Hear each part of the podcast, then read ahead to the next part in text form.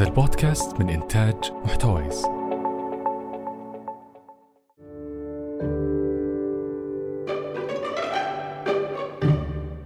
أهلا بكم مستمعينا في حلقة جديدة من بودكاست اقلب الصفحة لما أحد يسألك إيش سبب طلاقك؟ يا ترى إيش القصة اللي حتحكيها؟ قصة أو رواية الطلاق هي الرواية اللي لو أحد سألك هذا السؤال بتجد نفسك ترويها له وتنطلق في أحداث ووصف للي حصل لك والشيء أو اللي فعله الطرف الآخر ولكن يا ترى هل هذه الرواية بتكون سلبية أو إيجابية؟ وإيش بيكون دورك فيها؟ هل هي زي ما هي ما تغيرت من وقت طلاقك إلى الآن؟ أم إنه مع الوقت وجدت نفسك بتغير القصة بتغير موقفك من الطلاق أو من شريكك السابق؟ حنناقش اليوم هذا الموضوع ونتعرف أكثر كيف ممكن نحول قصة طلاقنا للأفضل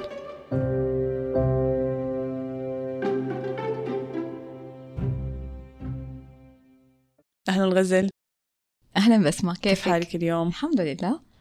طيب موضوع قصة الطلاق أو رواية الطلاق. أم لا أحس ناس يعني ناس ما تفكر فيها عادة صح؟ أيوة إحنا لو نجي نتخيل حياتنا عبارة عن أصلا قصص.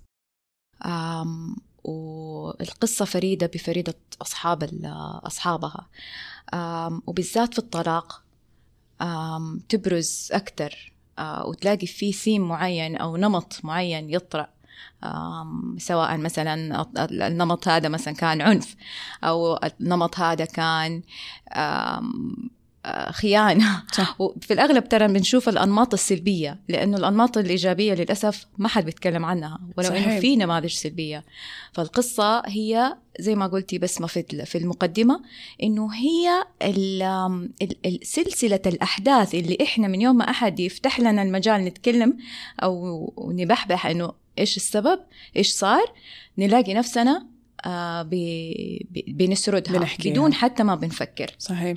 وأعتقد كثير مننا مثلا ما ما يفكر. يعني يشوف إنه مثلا صار الطلاق والانفصال صارت أحداث خلاص انتهى الموضوع. لا بس ترى هي لأنه زي ما دائما بنقول آه إنه الطلاق واحد من الأحداث اللي هي بتغير أو بتأثر تأثير كبير على الإنسان. ف فالإلما القصة بتفضل.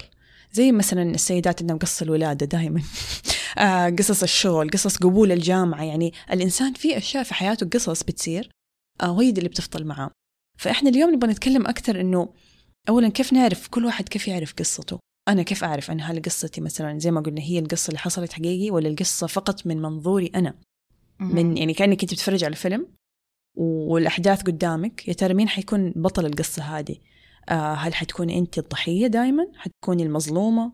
حتكوني الجانية؟ آه حتكوني المجني عليها؟ بالضبط.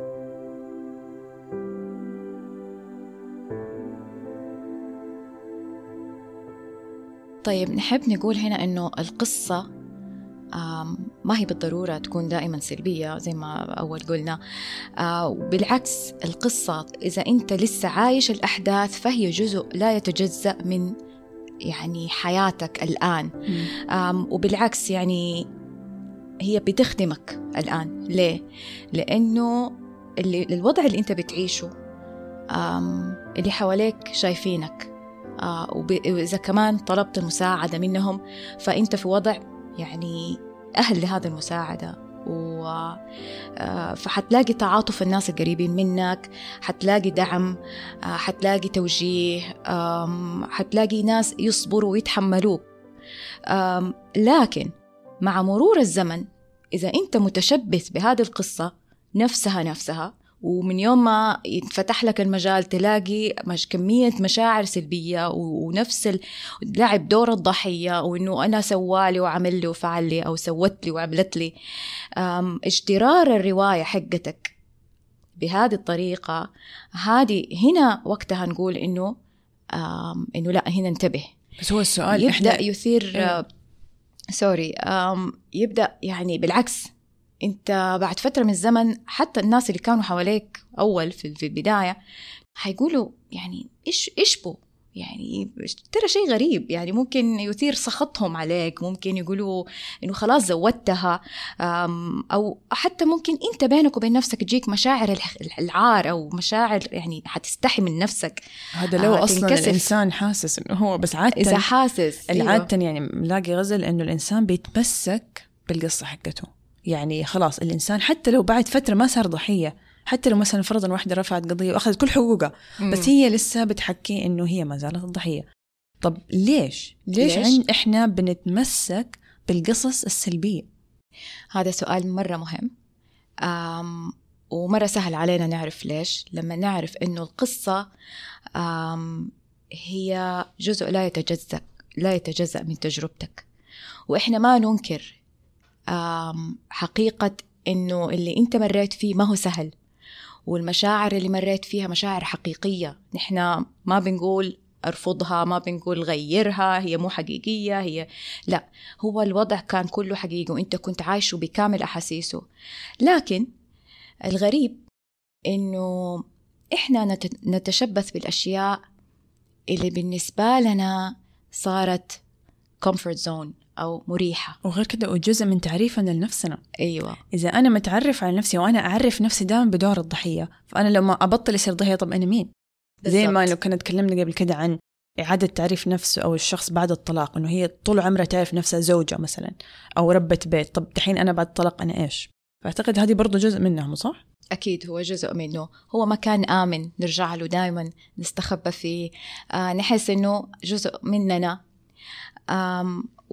واللي يزود هذا كمان الناس اللي يعني حتى لو بعد فترة يجوا يقولوا لك والله أنت يعني بطلة والله أنت يمجدوا يمجدوا أيوة المعاناة يعني اللي أنت فيها. بالضبط يعني ويخلوك تتمسك أكثر إنه في مع... في المعاناة اللي أنت يعني مريتي فيها.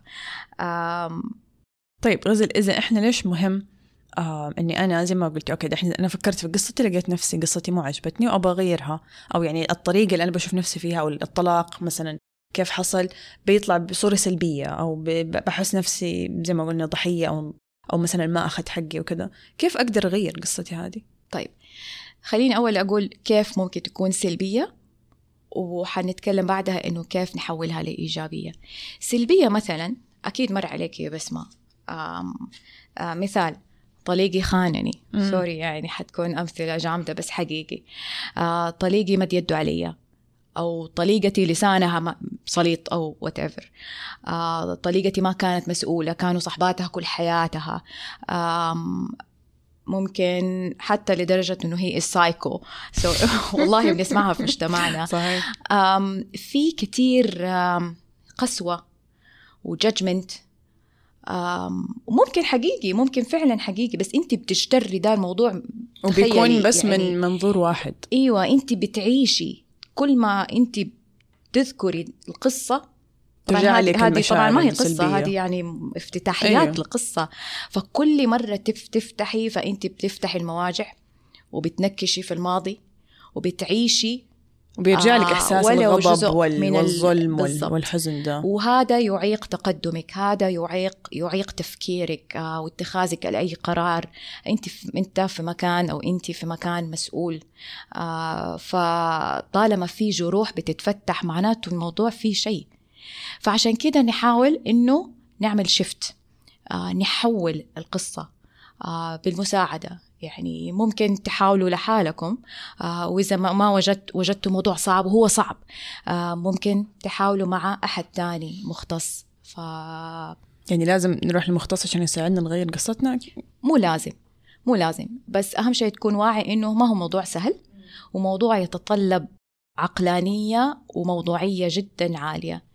وهنا يدخل كمان الوعي زي ما قلنا الوعي هو واحد من الأشياء المهمة جدا اللي هو ال mindfulness. يمكن مصطلح ال mindfulness الناس حتفهموا أكثر لما نكون mindful لما نكون واعيين حنقدر نكتب قصة بطريقة إيجابية. وكمان أعتقد مهم الواحد يكون صادق مع نفسه.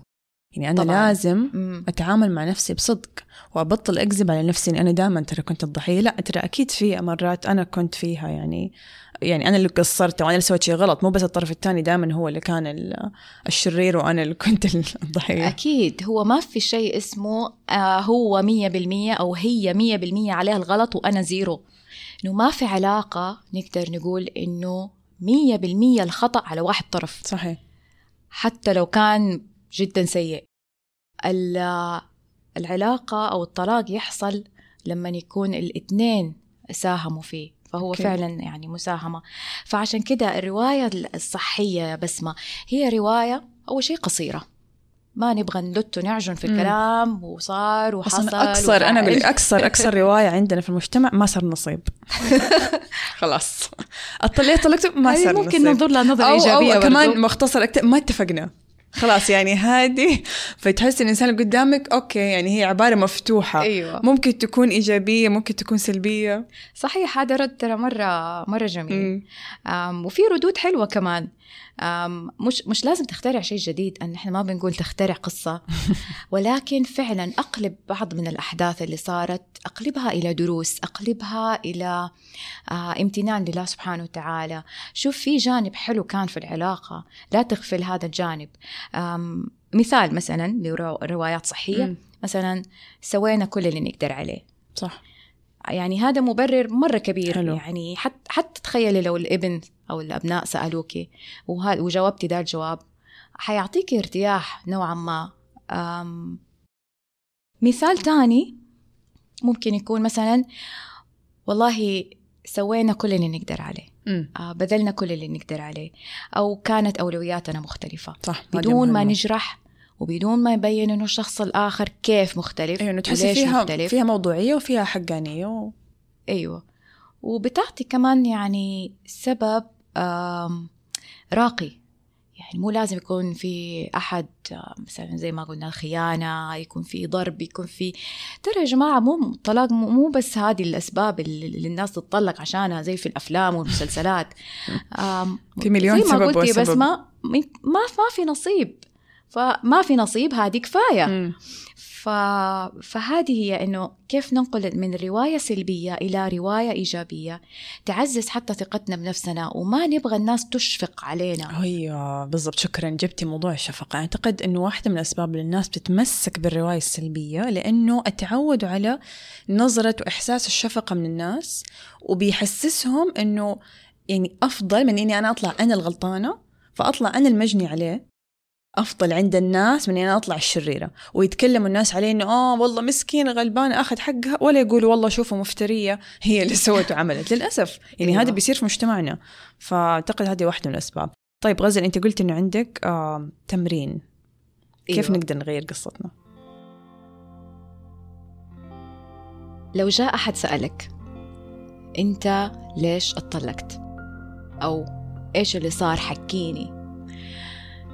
يا ترى؟ أول سؤال. إيش أول إجابة أنت ممكن تجيب تجيبها على هذا السؤال؟ أكتبها على طول يعني أول إجابة من غير تفكير لأنه هو هذه فعلا ال- الإجابة اللي موجودة في اللاوعي عندنا. ثاني شيء بعد ما كتبت الإجابة أم، أبغاك تشوف تقرأ الإجابة حقتك تقرأ الكلام اللي كتبته. إيش النمط اللي تلاقيه في ال- في ال- في الجملة أو الجملتين اللي كتبتهم. يا ترى هو فيها فيها كده نوع من الضعف فيها نوع من إنه أنا مسكين أو إنه هو شرير؟ آه فايش إيش النمط؟ لاحظ بس إحنا بس بنقول لاحظ. أو فيها غضب أو فيها. طيب مين بطل الرواية؟ أظن هذا حيكون obvious يعني واضح. يمكن. إحنا أبطال الرواية في الأغلب. إذا كانت رواية سلبية لأنه واحدة من الأشياء اللي ما ذكرناها في الرواية الإيجابية إنها تتضمن كلمة إحنا مش أنا لحالي مم. إحنا حاولنا إحنا ما مختلفين إحنا ما قدرنا ما قدرنا هذه تفرق نتأقلم. كمان إيوه فمين بطل الرواية؟ رابع شيء إيش دور طريقك في الرواية؟ إيش بيسوي؟ إيش بيعمل؟ آم، خامس شيء هل ممكن إنك تشوف إنسانية طليقتك في هذه القصة أو في هذه الرواية إنك تل- تلتمس العذر يعني تلتمس لها عذر. آه ممكن تبرر لها يمكن كانت تعبانة وقتها يمكن أنت يمكن عملت شيء خلاها مثلا كذا. حاسة بالوحدة يمكن يمكن هل في هذا الشيء أو هذه اللغة موجودة آه عندك في, في, في الرواية أو في الجملتين اللي كتبتهم؟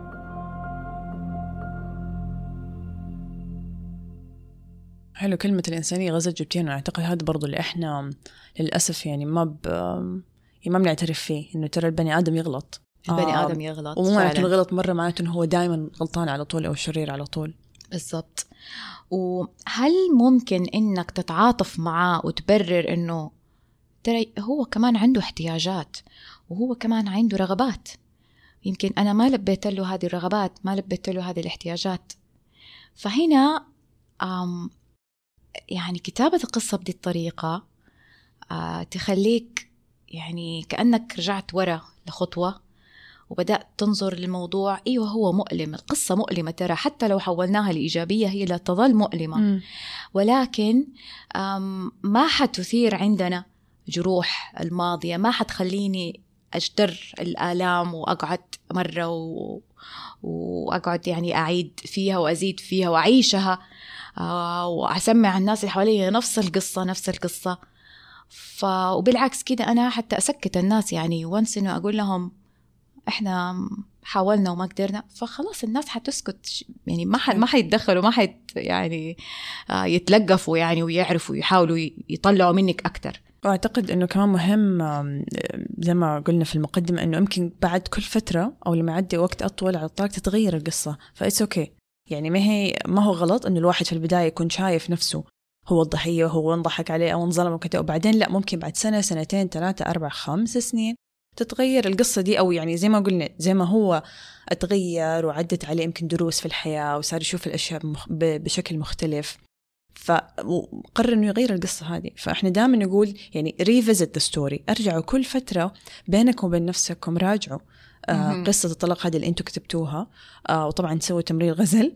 آه عشان تقدروا تعرفوا يا ترى أنا القصة حقتي تغيرت ولا لا زي ما هي وأنا متمسك فيها عشان الأسباب اللي قلناها. أم بس في نقطة بالنسبة للتمرين إنه أنت من خلال اللي كتبته أم أنت حترجع تنقح فيه. مرة واثنين وثلاثة فهذا ما هو شيء أبدي وما هو شيء زي ما قلتي بس ما بتتغير. وحلو إنك تراجع ال ال ال حاول إنك تحس كيف ليش إيش المشاعر اللي هي القصة تعطي لك هي؟ هل هي مشاعر إيجابية؟ هل هي مشاعر سلبية؟ تحسسك بال- بالامتنان تحس تحسسك إنه الحمد لله كانت تجربة وتعلمت منها ولا لأ تحسسك دائما بإنك آم، ضحية بإنك مسكين وإنك يعني يعني ضاع عمرك مثلا في دي العلاقة أو whatever يعني. خلاصة الكلام. زي ما قلنا كل واحد عنده فرصة إنه هو يغير قصته ويرجع يعيدها مرة واثنين وثلاثة ويحاول يكون صريح مع نفسه ويتعامل بموضوعية وبحقانية مع الطرف الآخر لأنه هو كان جزء من هذه القصة. و وهذا الشيء اللي حيخلينا لما نتحرر منه نقدر يكون عندنا فرصة أفضل لل يعني العيشة يمكن بسلام أو تقبل القصة بسلام وأكيد إنه طبعا نقلب الصفحة. لأن الطلاق زي ما كلنا عارفين فرصة للتحول أنت الآن بطل هذه التجربة الجديدة وبإمكانك تكتب رواية جديدة تماما. حتكون رواية نابعة من قوة من تسامح من سعادة ومن رضا. وأكيد حتمتعك وأنت بتكتبها وحتمتع الآخرين وهم بيعيشوها معك. مستمعينا بكذا نكون وصلنا لنهاية حلقتنا اليوم. إن شاء الله تكون عجبتكم. نبغى نسمع آراءكم ومشاركاتكم على مواضيعنا وعلى البودكاست على طبعا أكيد ال social media إنستغرام وتويتر وعلى إيميلنا إقلب dot الصفحة Gmail. كان معاكم اليوم بسمة وغزل.